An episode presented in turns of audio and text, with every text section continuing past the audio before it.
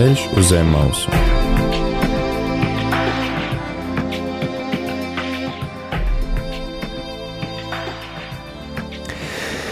Es izsveicināts mīļo radio Marija klausītāji, ir 4. 10. marts pulkstene 4 pēcpusdienā un laiks raidījumam ceļš uz Emmausu. Šoreiz raidījumā priesteri Pēteri aizvietošu es Māris Veliks un jau raidījuma ievadā arī stādīšu šī vakara viesi priekšā. Un Jāni Rudzīti Nēmani, Latvijas Universitātes teoloģijas fakultātes docentu, sveicu arī attālināti šeit ēterā. Sveiki, Jāni! Labdien, Māri, un labdien, radioklausītāji! Jā, atkal redzēt varētu, jā, atkal uzrunāt, jā. jo Jāni klausītāji jau pazīst arī no raidījuma atrasts tulkojumā, bet Jāni, varbūt varat īsumā pastāstīt, kādus lekciju kursus tad vadāt studentiem Latvijas universitātē? Nu, mana pamatnodarbošanās saistīta ar vecās darības kursiem, gan bakalaura programmā, gan maģistra programmā. Tie ir kursi, kuros skatāmies gan par vecās darības grāmatām, kā tās veidotas, gan pārnājam arī teoloģijas tēmas, kas konkrēti parādās šajās grāmatās. Ir arī specifiski kursi, kas ir veltīti kādai konkrētai vecās darbības grāmatai, piemēram, psalmu grāmatai. Tā īsumā. Jā.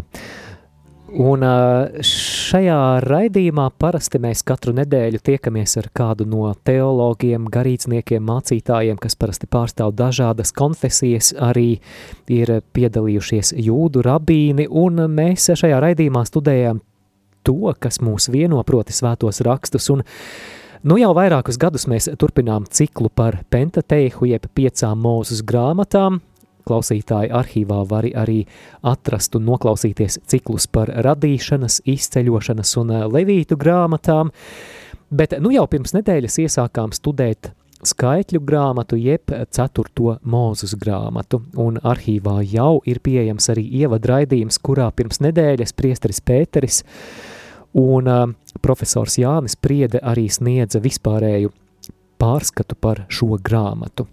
Tad no šodien raidījumā mēs jau sāksim iet cauri skaitļu grāmatas nodaļām un centīsimies apskatīt šīs grāmatas pirmās četras nodaļas. Protams, laika ierobežojuma dēļ mums nebūs iespējas šajā raidījumā visu tekstu nolasīt, bet mēs Ceram, ka raidījumā dzirdētājs palīdzēs arī tev klausītāji individuāli lasot bībeli šo nodaļu nozīmi saprast labāk.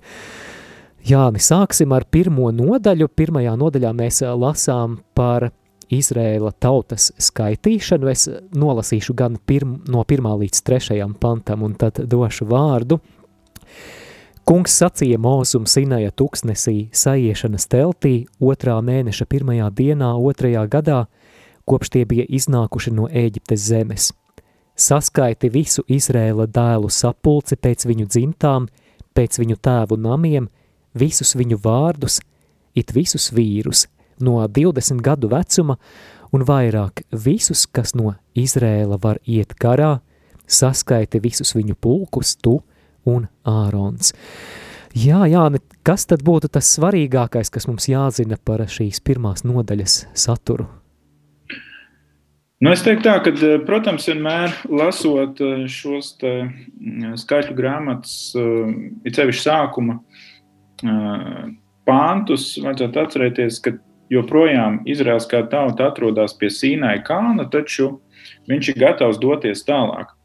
Nu, tagad 20 dienu garumā. Tas ir faktiski aplūkots eh, pirmajās deviņās skaļu grāmatas nodaļās. Notiek šāda sagatavošanās. Tā ir gan tautas eh, skaitliskā sastāvā pārbaudīšana, kas reizē ietver arī šo militāro tautas varenības noskaidrošanu, gan arī tāda garīga sagatavošanās, lai dotos tālāk uz apsolīto zemi. Protams, šis laika posms, tas, protams, kas ietver arī iepriekšējās grāmatas, gan otro mūzes, jeb iziešanas grāmatu, gan trešo. Tad, tad Levīti, tas, protams, runā plašāk par šo uzturēšanos laiku tūkstnesī, tad 40 gadus būtībā viens paudzes mūža ilgums. Nu, jāņem vērā, ka tajā laikā cilvēki nedzīvo tik ilgi. Protams, šeit tautas skaitīšanai, kā jau teicu, ir primāri noskaidrot, cik tā ir spēcīga. Tad, tad šis akcents uz vīriem, kas ir vecāki par 20 gadiem, jāsaka, tā nav vienīgā tautas skaitīšana. Arī vēlāk mēs skaitu grāmatā sastapsimies kad tiks skaitīta nākamā paudze, tad, tad jau 26. nodaļā, tad tur varēs redzēt, kādas būs šīs skaitliskās izmaiņas. Bet par varbūt pāris vēl lietām. Svarīgi, ka tā ir mēneša pirmā diena, tad, tad tas ir diezgan raksturīgi daudziem notikumiem Pentateuhā, ka kaut kādas svarīgas lietas faktiski sākās mēneša tieši pirmajā datumā. Un turklāt arī šī norāda uz sīnē tūkstnes, tad atgriež atpakaļ mūsu šajā realitātē.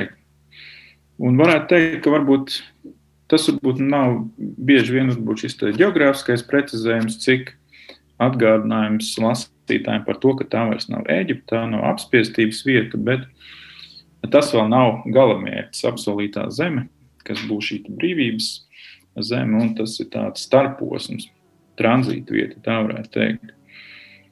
Kopumā jāsaka tā, ka par šo tautas skaitīšanu, ka tas ir diezgan bieži sastopams pasākums, ir sevišķi pirms militāriem pasākumiem arī. Citvietā vecā darbā mēs saskaramies ar to, piemēram, Jozo grāmatā. Tā ir līdzīgs apraksts. Jāsaka tā, ka nevienmēr tas varbūt tiek atbalstīts no Dieva puses, teiksim, kad vēlas doties karā.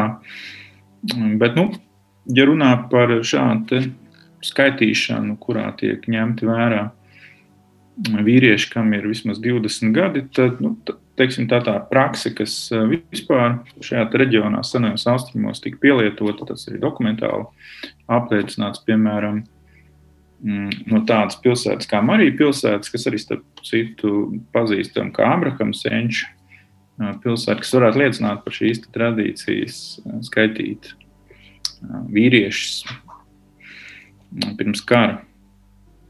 Ir vēl arī citas vietas, es speciāli būtu nekomentējuši, kur, kur ir runa arī par kaut kādiem specifiskiem momentiem, kuri būtu atbrīvojami, tad vēl papildus no šī militārā dienesta. Uh, Kā... Jā, šīs nodaļas turpinājumā mēs redzam arī informāciju par katru no Izrēļa ciltīm, cik tad eh, šo karot spējīgo vīriešu tajās ir, un 46. pantā mēs lasām, visu to skaits bija 603 550. Jāni, man tāds jautājums, varbūt ir kaut kādas teorijas vai pieejas, vai šī statistika mums būtu jāuztver burtiski, vai vienkārši tas nozīmē, ka runa ir par, par daudz cilvēkiem, par lielu skaitu? Nu jā, tas ir tāds jau izsenis pazīstams jautājums, ko uzdod daudzi, kā ir ar šiem skaitļiem bībelē. Uh, tie ir tik lieli, Um, nu, uzreiz jāsaka, to, ka priekš tā laika tas ir ļoti liels cilvēku daudzums. Arheologi ir pētījuši, cik vispār tajā laikā, tajā teritorijā varēja dzīvot uh, cilvēki. Un, nu, teiksim, tā, pat tādas visoptimistiskākās prognozes uh, rēķinās ar kādiem nu, simt tūkstošiem. Uh mhm. -huh. Ja runā par mūsdienu Izraels teritoriju, tad jautājums, kā tad skaidrot šos lielos ciparus. Un tas, starp citu, ir jautājums ne tikai par, par Bībeli, par veco darību, bet, bet arī plašāk par šo reģionu, kur arī parādās um, šādi milzīgi cipari. Uh, it sevišķi, ja mēs tagad padomājam arī Ukraiņas kontekstā, uh, salīdzinot šos nogalinātos, mēs te lasām tur pāris tūkstoši, tur vienā, otrā pusē krituši.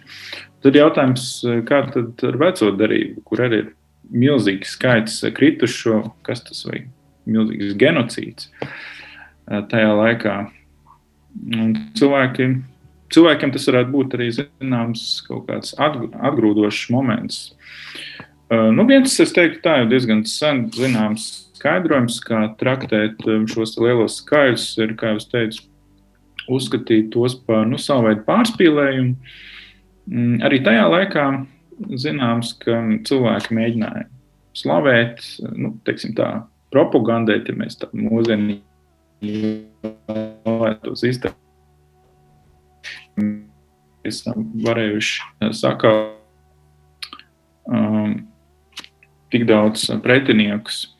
Un šāds, šādi piemēri, kā jau teicu, nav nekas neparasts, bet, um, ja mēs mēģinātu skaidrot šos lielos skaidrus nevis kā pārspīlējums, tad ir citas iespējas. Nu, tā populārākā vēl ir uh, tulkot šos tūkstošus uh, kā vienības, un tad attiecīgi tas samazinātos par divām nulēm beigās. Attiecīgi, piemēram, kas mums te ir Rūbena cilts 21. pāntā, tur ir 46,500. Tās būtu, teiksim, 46,5 vienības. Nu, vienā vienībā desmit. Um, tas tāds interesants uh, novērojums arī par judaismu, teiksim, tā, lai savāktu tos ja, priekš sinagogas dievkalpojuma pietiekams skaits, nepieciešams desmit vīrieši. Tā kā, nu, tāds, tāds minimums.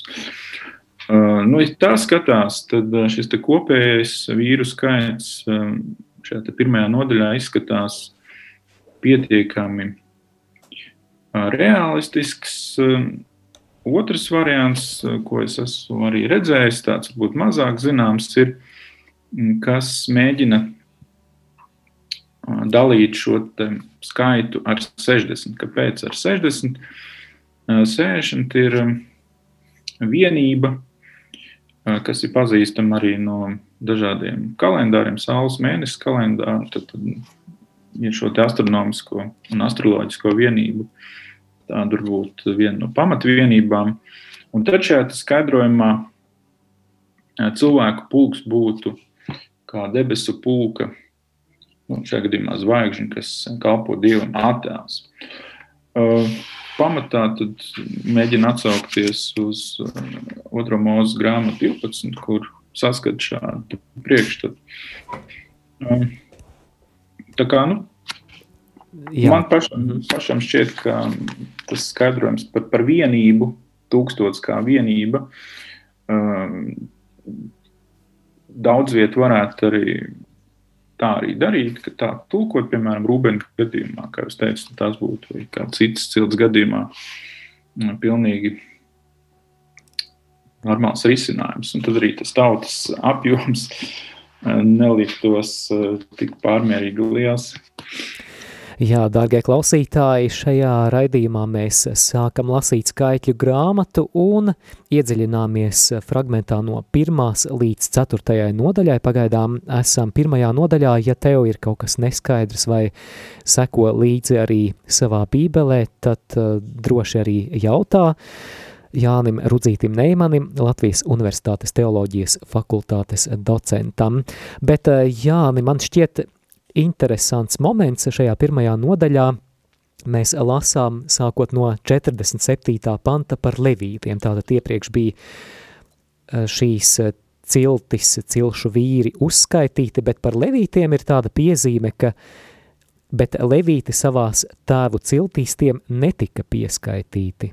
Un kungs sacīja mūzum, taču Levī cilti tu neskaiti, nepieskaiti viņus Izrēla dēliem. Tātad viņi šajā tautas skaitīšanā netiek iekļauti. Kāpēc tā? Nu, tas, tas arī ir tāds interesants jautājums ar Levītiem. Es domāju, ka mēs pie tā nonāksim tālāk. Bet tas nav tikai pirmā nodaļā, tas parādās arī nedaudz vēlāk. Uh, ja nemaldos, arī otrās nodaļas eh, vienā vietā arī bija pieminēts par levītiem. Um, tas ir jautājums par, par viņu īpašo statusu. vai viņi ir vai nav šai eh, ciltī, eh, šim kopumam pieskaitāmu. Um, ja mēs paskatāmies, kas tad ietilpst šajās 12 ciltīs, tad ir Šimons, Jūda, Isaškārs, Ebulons un tā tālāk.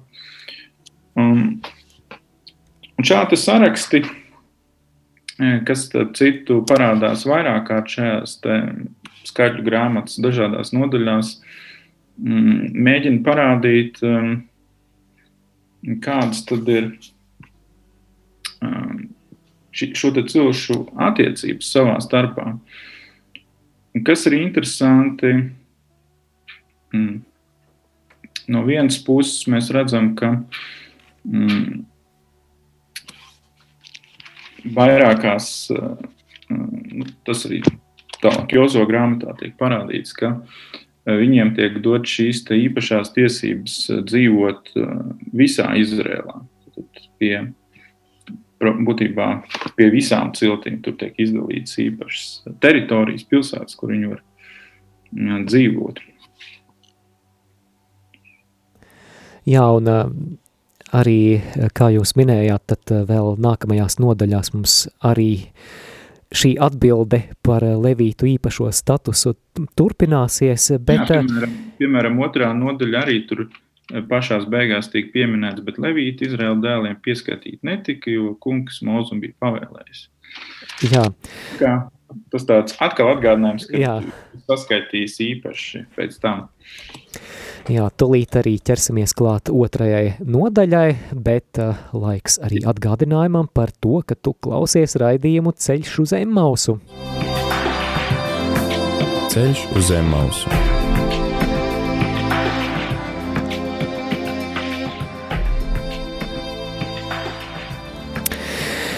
Jā, otrajā skaitļu grāmatas nodaļā mēs lasām par Izraēļa tautas nometnes izkārtojumu pa ciltīm. Ciltis tiek sadalītas četrās grupās, katrā pa trim ciltīm, un šis izkārtojums tad nu tiek ievērots gan atrodoties uz vietas nometnē, gan dodoties ceļā. Jāni, kam būtu vērts pievērst uzmanību šajā otrajā nodaļā? Noteikti te varētu pievērst uzmanību tam grupējumam, kā, kā viņi tiek sagrupēti, ka, kas, kas tās ir pa ciltīm, kas stāv kopā. Nu, faktiski droši vien vajadzētu lasītājiem arī, ka viņš lasa šo nodaļu pastāvīgi, mēģināt arī vizualizēt, kā tas notiek. Varbūt uz papīra lapas schematiski uzzīmēt, tad, kuras ciltis stāv kopā, kas stāv vēl tuvāk šeit saiešanas teltī tad, tad kļūst arī būtībā daudz kas skaidrs, par ko es iespējams tūlīt runāšu. Jā, un tātad levīti ar šo sajiešanas telti ir pa vidu, vai ne? Centrā. Jā, viņi mhm. ir. Vai, vai tam ir kāda īpaša simboliska nozīme arī? Jā, Tas uh, lielā mērā iezīmē um, tad, tad, uh, to, uh, cik viņi ir teiksim, tā, tuvi, vai, tuvi kalpošanai dievam, vai kur, cik tālu viņi var toties dievam. Faktiski viss šī nometne kā tāda ir savā ziņā norobežota. Tie ir Izraēla pārstāvi, kuriem ir šī unikālā iespēja baudīt dievu tūmu. Jautājums, cik, cik tuvu viņi var pieiet dievam. Nu, tad mēs redzam, ka tur ir arī priesteri pieminēt levīti. Un, protams, pārējās šīs cilts un cilts kā reizes stāv vis tālāk, tā, no šīs te telts, saišanas telts. Tur ir, starp citu, tad, tad pieminēts, ka viņiem tad, tad ir jāsastājās, jāsapulcējas apkārt šeit teltī un jāstāv pretī viens, vienam otram, protams, noteikti attālumā no šīs te, sajiešanas telts. Un kā jau Māris teica, tad viņi stāv pa trīs, pa trīs ciltīm katrā debesu pusē. Um, tad sākas viss ar jūdas cilti, tad jūdas ciltis nostājas austrumos, tad, tad austrumos mums atrodas uh, sajiešanas telts ieeja, un tās priekšā savukārt stāv mums priesteri. Uh, nu, priesteri kā, kā kalpotāji, kas ir gatavi kalpot pašā teltī. Starp citu, interesanti, ka priesterim arī ir tāda nu, pietiekami cieša saikne arī, saikne arī šo te, mm, jūdas cilti. Mans jau pieminētā Jozo grāmatā, 21. nodaļā, tur arī interesants vēlāks teksts par to, kā tad atkal tauta ir strukturēta jau pēc ieiešanas apsolītajā zemē. Par jūdu jāatcerās, ka jūda tā ir vēlākā dienvidu valsts, kur, kurai arī nosaukums jūda, un tā stāv tieši pretī, ja mēs skatāmies teltī Efraimam. Efraims savukārt reprezentē vēlāko ziemeļu valsti Izraelu. Nu, un, attiecīgi, ziemeļos dienvidos, ja mēs skatāmies, tad tās ciltis, kas atradās vai apdzīvoja dienvidu un austrumu daļu, arī otra puse Jordānai, tās atradās attiecīgi uz dienvidiem no šīs, no šīs sajiešanas telts. Un savukārt tās ciltis, kas geogrāfiski arī apdzīvoja ziemeļu teritorijas, tās dzīvoja arī ziemeļos. Tā kā, nu, varētu teikt, ka tāda, nu, orientēšanās pēc, no vienas puses pēc tās apdzīvotās konkrētās teritorijas, bet arī, kā jau teicu, iespējams šis te politiskais dalījums, kas vēlāk parādās mm, šajā izvietojumā, ir novērojams.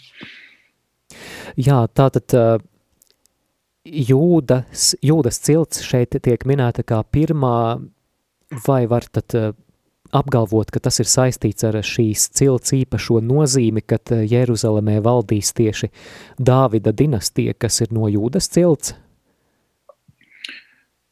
Nu, tā varētu skatīties, lai Jā. gan, kā jau teicu, tas, kā šīs 12 cilts ir parādītas vairākos vecās darības tekstos, tad tā secība var atšķirties. Piemēram, šeit otrajā nodaļā, arī tālāk septītā nodaļā, un, un ja neatceros, arī desmitā nodaļā, tur pamatā ir gan šis geogrāfiskais, gan politiskais aspekts.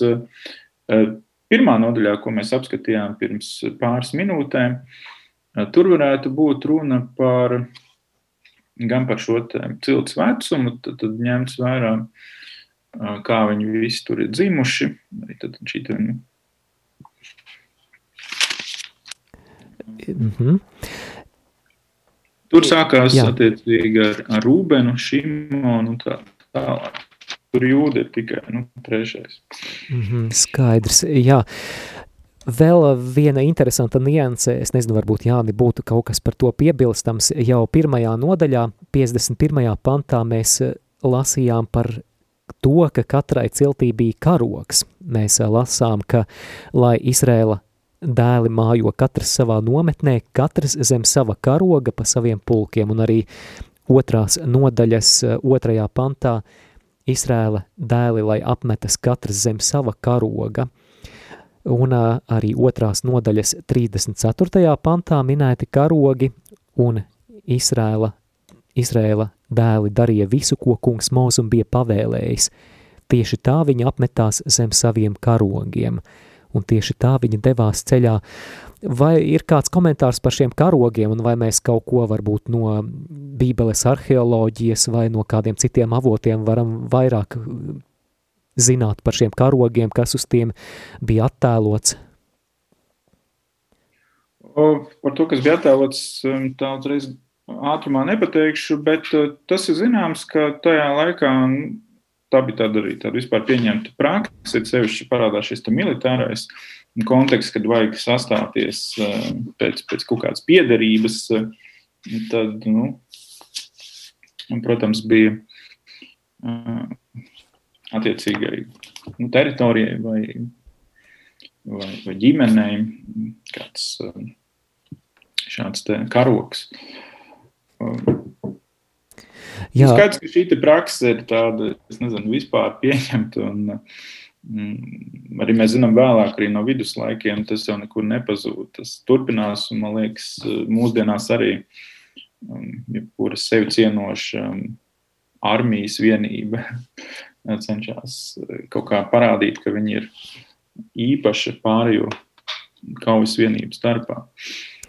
Jā, pirms raidījuma kādā no komentāriem arī atradu tādu faktu, ka ebreju tradīcijā jūdas cilts karogā esot bijusi attēlota lauva. Te nu man rodās jā, nu, tāds, jā, jā, retorisks jautājums, interesanti, vai šī norāde uz Jēzu kā lauvu no jūdas cilts atklāsmes grāmatā, vai tam varētu būt kāda saistība ar šo simboliku uz jūdas cilts karoga, bet nu droši vien tas, tas tāds retorisks Jā, jautājums paliek. Ja runā par, par šiem dzīvniekiem un vēl citām īpašībām, kas ir raksturīgas visām ciltīm, tad te noteikti, protams, jāatgādina ir pirmās mūzes grāmata, jeb radīšanas grāmata, 49. nodaļa, tā saucamā jēkaba svētību došana saviem dēliem. Tur katram no dēliem ir minētas šīs viņiem raksturīgās īpašības, un tur 49 tā arī ir jūda raksturots lauvu jaunulis no mediju, mans dēls, tu esi cēlies, mm, būties kā lauva, kā lauva, kas gan piecels. Jūdam zīzli neatņems, ne valnieks cept ar viņa ceļiem, kamēr nenāks šīlo. Viņam paklausīs tautas. Nu, tā tad savā ziņā, jā, tāds jā. tā pravietojums par, par jūdas uh, turpmāko kā valsts pastāvēšanu. Laiks mūzikas pauzītei, pēc tam atgriezīsimies ēterā un aplūkosim arī skaitļu grāmatas trešo un ceturto nodaļu, bet atgādinu klausītāji, ja tev kāds komentārs, neskaidrība vai jautājums, vari zvanīt uz studijas tālruni 67969 131 vai arī raksti īziņu vai WhatsApp ziņu uz numuru 266 77 272.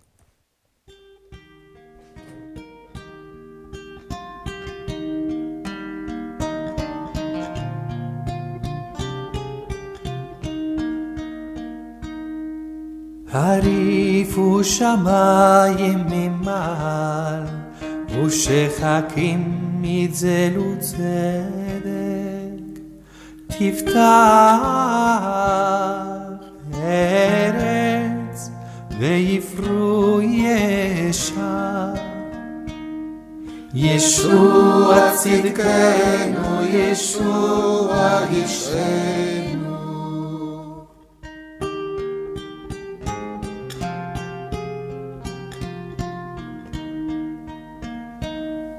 גילי מאוד בציון, הרים מבת ירושלים, הנה מלכך יבוא לך. ישוע מלכנו, ישוע אישנו.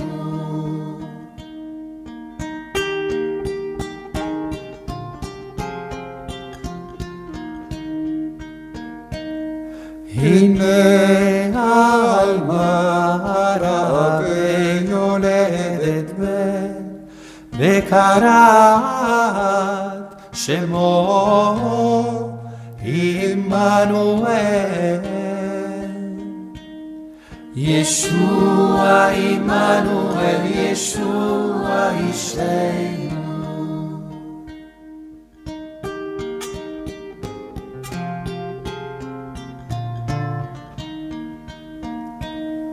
Adonai amar elai. Esam atpakaļ ēterā.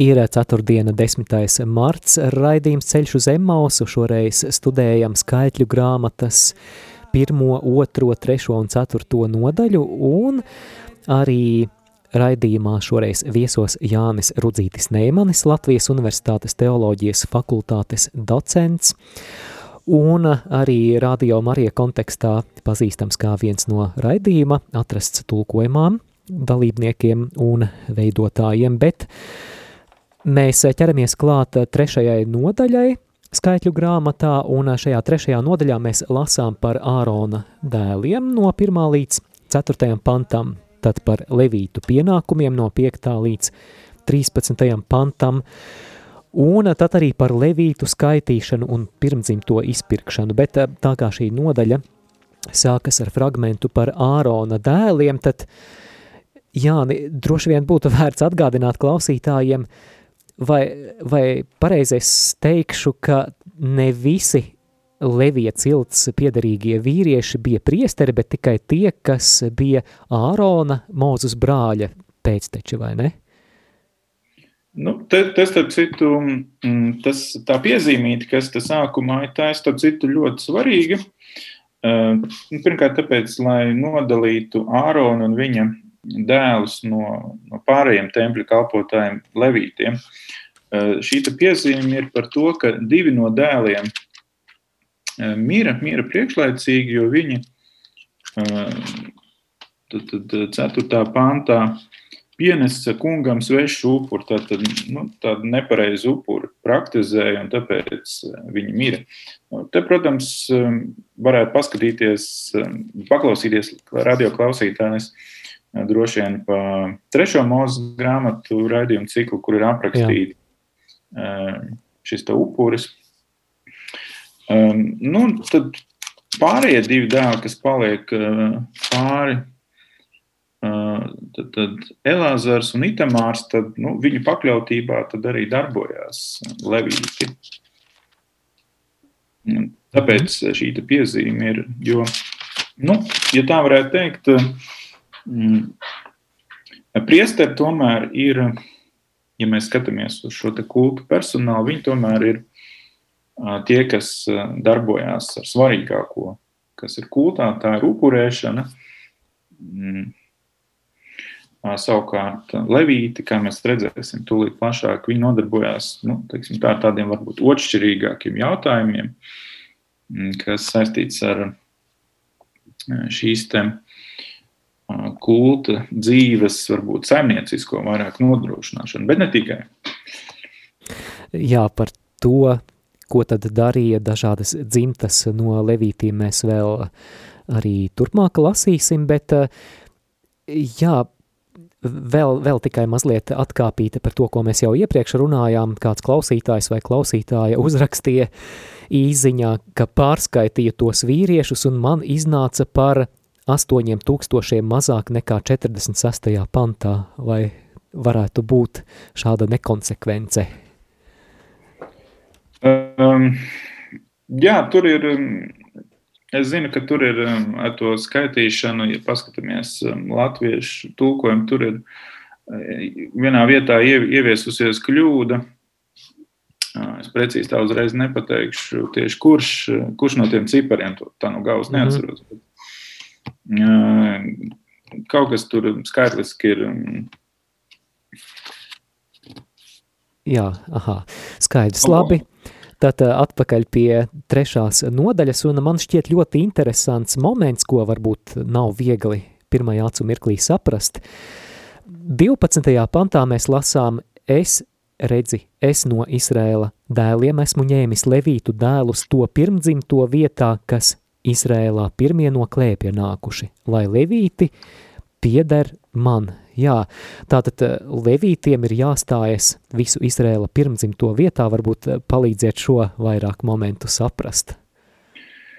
Uh, nu jā, tas, tas pieder pie, pie priekšstata par to, ka viss, kas ir pirmais, ne tikai pirmie augļi, pirmie dzīvnieki, bet arī pirmie dēli būtu jāvelta Dievam. Mēs, piemēram, labi zinām no pirmās Samuela grāmatas, ka, piemēram, Hannai ilgstoši nav bērnu, tad viņa uh, saka, ka viņa veltīs uh, savu pirmdzimto Samuelu dievam. Un pildarīs šo apsolījumu vēlāk. Um, un šeit, um, protams, jāņem vērā, ka mm, no vienas puses um, vecākais dēls, sevišķi ģimenē, kur šī tajā laikā mirstība ir pietiekami liela, tā ir teiksim, tik uztvert par ļoti lielu dievu dāvanu un uh, centās parasti šo pirmo, pirmo bērnu, sevišķi dēlu, īpaši sargāt. Tajā pašā laikā nu, mēs varam runāt par tādu tā kā uh, savu veidu aizvietošanu, ja tā varētu teikt, ko pilda levīti, šo funkciju, ka būtībā būtu jā, dēliem jākalpo dievam, tāpēc viņu vietām vajag šo izpirkuma maksu maksāt. tā, cik tur bija. Tur, tur pašās beigās, trešās nodaļas beigās ir pieminēta arī summa. Tie ir 5 šekeļi. Jā, 47. pantā. Mm. Un kopā tur sanāk pārpa tūkstoši šekeļi, kas tad nonāca attiecīgi nu, svētnīcas rīcībā. Tā kā tur sanāca tā, ka tie pirmdzimti ir vairāk nekā levīti. Tā vienā pantā bija arī minēts 346. par 273 vairāk nekā levīti. Nu, tad, jā, par to, par bija, bija jāizpērk, jā, tā tad tas jā. pārpalikums, ja tā var teikt, vai tā starpība. Mm. Jā, Vai visai šai lietai ar pirmdzimto veltīšanu uh, dievam, vai tam ir saistība ar uh, notikumu, kad Izraēļa tauta izceļo no Ēģiptes un, un tajā naktī tiek nogalināti eģiptiešu pirmdzimtie, bet Izraēļa tautas pirmdzimtie tiek saudzēti? Mēs, jā, tā, tā jā. protams, ir papildus perspektīva, jā, šī konkrētā iziešanas no Ēģiptes mm -hmm. perspektīva. Mm, nu, tad, protams, nu, jāskatās arī uz konkrēto tekstu, kurš ku, kuru aspektu vairāk akcentē. Um, ja mēs runājam vairāk par, par šo te, nu, teiksim, tā kultisko fonu, uh, tad tur ir šis te, bieži vien šis regulārais pateicība, pateicības moments, ka katru gadu, piemēram, Dievs svētī Izraēlu ar jaunu ražu, tāpēc uh, visu pirmo, kas viņiem ir, tad nu, viņi kā pateicību nodot Dievam atpakaļ upuru formā. Jā, Jāni, vai vēl kas piebilstams par trešo nodaļu, vai ķeramies klāt ceturtajai? Nu, varētu teikt, ka šī nodaļa, trešā nodaļa, faktiski piesaka to, eh, kam būtu ar ko būtu jānodarbojas levītiem. Kā jau Mārs teica, trešā nodaļā tiek no 5. līdz 10. pāntām vispirms pieteikti šie uzdevumi. Nu, ja tā varētu summēt, es jau arī to liekas, teicu, viņiem tas primārais uzdevums rūpēties par to, lai tīri saimnieciski nodrošinātu šī tempļa funkcionēšanu. Papildus desmitais pāns, ko es vēl arī gribētu pieminēt, Ārona, Ārona ar viņu dēliem tu iecelē, tie ievēro, ka, kas priestrim jāievēro, ja tur kāds svešnieks tuvojas, tas, lai mirst. Un tad, tad te parādās arī šī te, um, nu, kā varētu mūsdienīgi teikt, face control. Jā. pārbaude, ko mēs arī pavisam, pavisam nesen saskārāmies, ka tirdzniecības centros pārbaudīja mūsu Covid certifikātu, vai mēs drīkstam mm -hmm. iet tālāk vai nē. Tāpat arī šeit rūpējās, lai neviens svešinieks neiekļūtu tempļa areālā. Jāsaka tā, tas nekas neprasts nav vispār tajā laikā.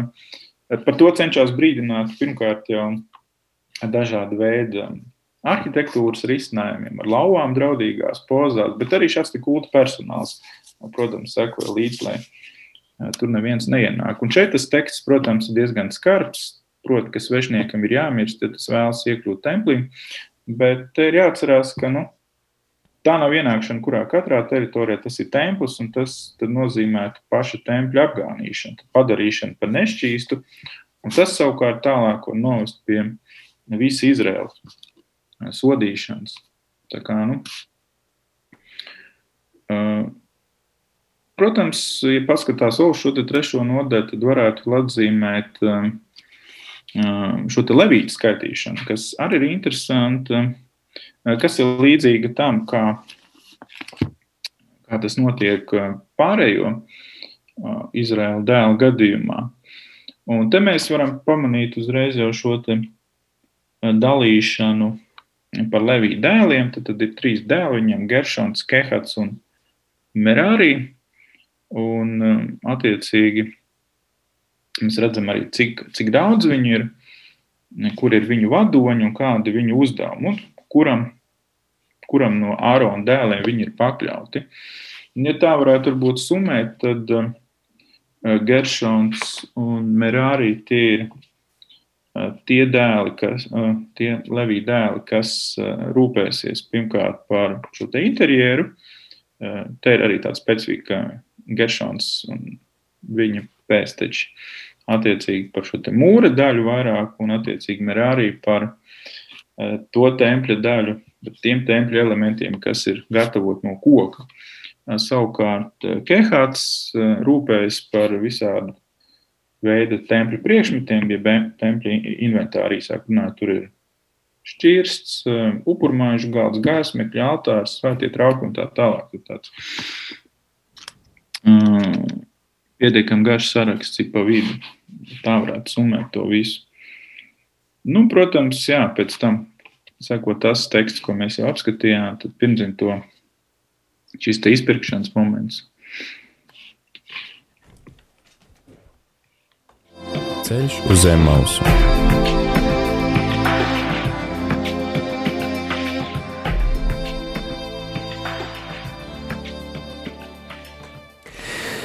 Jā, Jāni, minējāt arī, ka Levijam bija trīs dēli, Kehāts, Geršons un Merārijas, un tad no ceturtajā nodaļā mēs arī lasām, kādi tad pienākumi ir šo dzimtu pārstāvjiem. Tā ir tātad no 1. līdz 20. pantam, 4. nodaļā mēs lasām par Kehāta dzimtu, svēt, svētnīcas svētlietu nešana, no 21 līdz 28. runa ir par Geršona dzimtes pienākumiem, te ir aizkaru un paklāju nešana, no 29. līdz 33. pantam ir par Merārija dzimtu saiešanas telts karkasa transportēšana.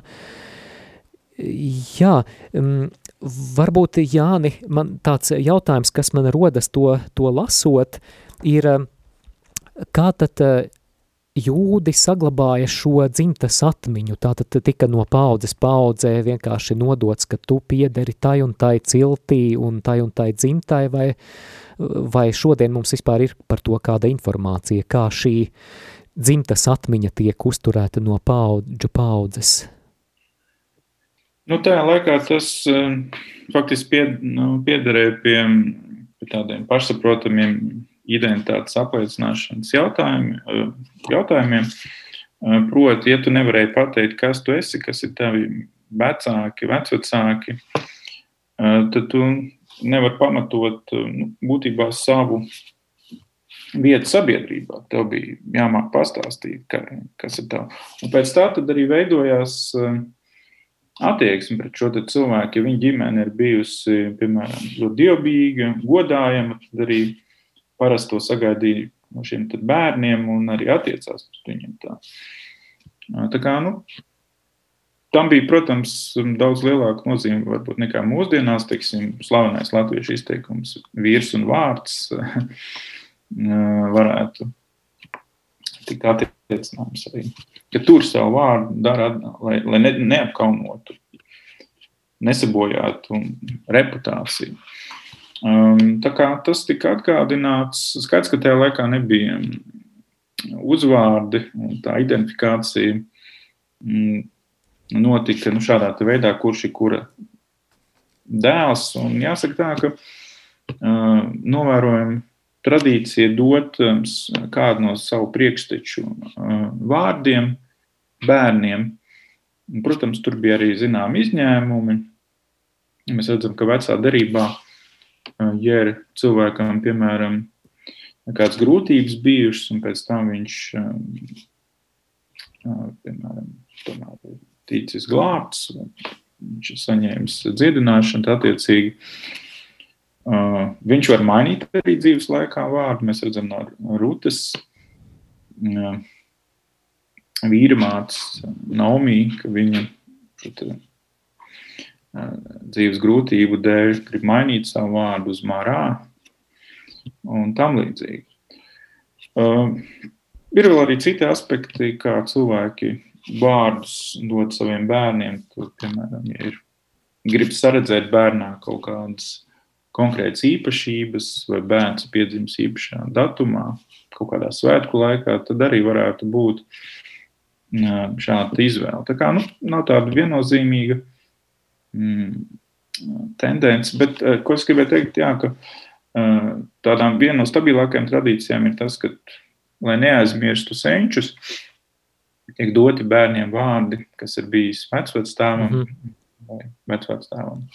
Jā, jautājums varbūt ne gluži saistībā ar šodienas tekstu, bet ar nu pat pārrunāto, nu pat minēto, vai arī šodien ebreji saglabā šo identifikāciju ar konkrētām ciltīm, vai ir kas zināms par to? Nu, es domāju, tādu ortodoksālo jūtu gadījumā noteikti to var diezgan skaidri redzēt. Tur, tur šī tradīcija ir pietiekami stipra joprojām. Um. -hmm. Jā, un jā, laiks nepielūdzami steidzas uz priekšu, bet uh, vēl arī gribēju jautāt Jāni, no vienas puses varbūt kādiem skaitļu grāmatas lasītājiem šīs pirmās četras nodaļas var šķist piepildītas ar tādu sausu, varbūt garlaicīgu informāciju, kā mēs redzējām, ka jo vairāk iedziļināmies, jo vairāk interesantus pavadienus mēs atklājam, bet vai Tomēr šajās nodaļās mēs varam arī saskatīt kādu vēsti, kura būtu aktuāla arī šodienas lasītājam. Tātad vai šajās nodaļās aprakstīto mēs kaut kā varam arī sasaistīt ar mūsu ikdienas dzīvi? Nu, es domāju, ka noteikti mūsu dzīve jau arī nesastāv tikai no tādiem varbūt um, priecīgiem, varbūt slavinošiem brīdiem, brīžiem, bet ir arī mūsu dzīvē vieta arī laikam, kurā mums jārūpējas par dzīves sakārtošanu. Un, es nezinu, bet man šķiet, tas ir viens no tādiem senākajiem piemēriem, kā cilvēki mēģina tikt skaidrībā, cik daudz mūsu ir saprast eh, to, kā mēs esam organizēti kā tauta. Eh, arī Latvijas gadījumā, es domāju, jo īpaši ņemot vērā arī šo tehnisko dalījumu un arī pēdējos notikumus, saprast, kas tad vieno mūs, kas tad ir mūsu pamatā. Tāds pamatā. Tā kā nu, lasot šos te tekstus, jā, tie varētu šķist tādi pietiekami garlaicīgi saraksti, kur ir cipari un kaut kādi vārdi, bet, kā jau es minēju tikko, kā, kā Mārs tikko arī jautāja, tad um, priekš tā laika jūda bija svarīgi apzināties, uh, kas tu esi kā, kā sabiedrības loceklis, uh, kam tu piederi, kas ir tavi vecāki, kurai ciltī tu piederi, jo, jo no tā tad arī attieksme pret tevi veidosies tajā laikā. Paldies, Jāni! Mēs šajā brīdī tad arī strauji esam pietuvojušies raidījuma noslēgumam, bet uh, varbūt ir kaut kas vēl svarīgs, ko es nepaguvu pajautāt varbūt par šīm četrām nodaļām. Nu, par šo pēdējo ceturto varētu teikt, ka eh, te mēs redzam arī tādu interesantu um, norādu par to, ka Levīti kalpo, viņi jau kalpo ne jau tur no ļoti agras bērnības, bet viņi kalpo, teiksim tā, savos labākajos gados. Uh, sāk 30 gados un beidz 50 gados. Tad viņi nosacīti pensionējas. Mm.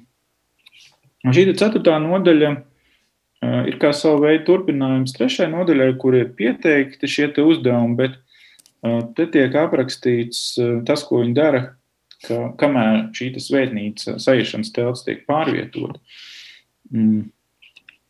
Proti, ka skaidrs, ka priesteri no vienas puses ir tie, kas nodarbojas ar kulta lietām, bet e, viņi nu, teiksim, tā, nenovāc šo sajūšanas telti vai, vai kāds kulta priekšmets, tāpēc mm, šiem levītiem ir tas viss jādara tu klāt, lai nenonāktu, piemēram, saskarē kaut ko nešķīstu, tad, kā mēs redzam, piemēram, kehata dēliem, ir jāietina konkrētās auduma krāsās. Un tās krāsas, starp citu, arī uh, signalizē par noteikta tempļa priekšmeta svētuma pakāpi. Mēs redzam, ka violetā krāsas audumos ietin tur tos priekšmetus, kas ir teiksim, tā, vissvarīgākie, tur, piemēram, derības šķirs, cupurmaiņš galds. Tad nākamie ir sarkanās krāsas auduma mm, um, priekšmeti, kas, jā, un visbeidzot, tur ir ģērētās ādas, kas, latvis, kas arī tāds interesants vārds. Īsti nav skaidrs, kas tās ir pādām. Mm. Nu jā, par pārējām divām šīm grupām mazāk stāstu, kā Mārcis teica. Tur ir runa par, par šo konkrēto interjeru daļu transportēšanu. Par šo te mm, kalpojošo levītu varbūt skaitu varētu pāris vārdus piebilst. Um, kas man liekas interesanti, ka visai nodaļai cauri vijās uh, vārdiņš kalpošana vai darbs, varētu arī tā tulkot avodā ebrejiski. Un tās ir darbības, kā jau teicu, kas varbūt nepiedien priesteriem, kas vairāk tieši šo te kultisko uh, nodarbošanos aizņemti. Tad Levīti viņu gadījumā tur, teiksim tā, tiek tāds mūdienīgi izsakoties, tiek tādas nu, diezgan skaidras darba attiecības ar viņiem noslēgts. Ir šis viņu kalpošanas ilgums, šeit 20 gadi, plus vēl arī um, tas, kas viņiem pienāks par viņu kalpošanu, tas tiek arī atrunāts. Nu, tiesa, tur ir man jāatgādina, varbūt no trešās mūzes grāmatas, Levīta grāmatas, tur ir runa par šo viņa atalgojumu, kas, kas tiek regulēts desmitās tiesas palīdzību. Paldies, Jāni, par dalību šajā raidījumā. Klausītājiem atgādinu, ka Jānis Rudzītis Neimanis, Latvijas Universitātes teoloģijas fakultātes docents, viesojās šī vakara ceļā uz Emmausu. Ar viņu kopā ēterā biju arī es Māris Veliks, un cerams, ka tad, kad savā individuālajā svēto rakstu lasīšanas laikā lasīs skaitļu grāmatu un pirmās četras nodaļas arī šajā raidījumā dotās atslēdziņas tev palīdzēs labāk saprast lasīto tekstu. Paldies, Jāni, tad uz tikšanos kādā citā reizē. Paldies, Māri, par, par uzaicinājumu un cerams uz tikšanos kādā citā reizē. Jā.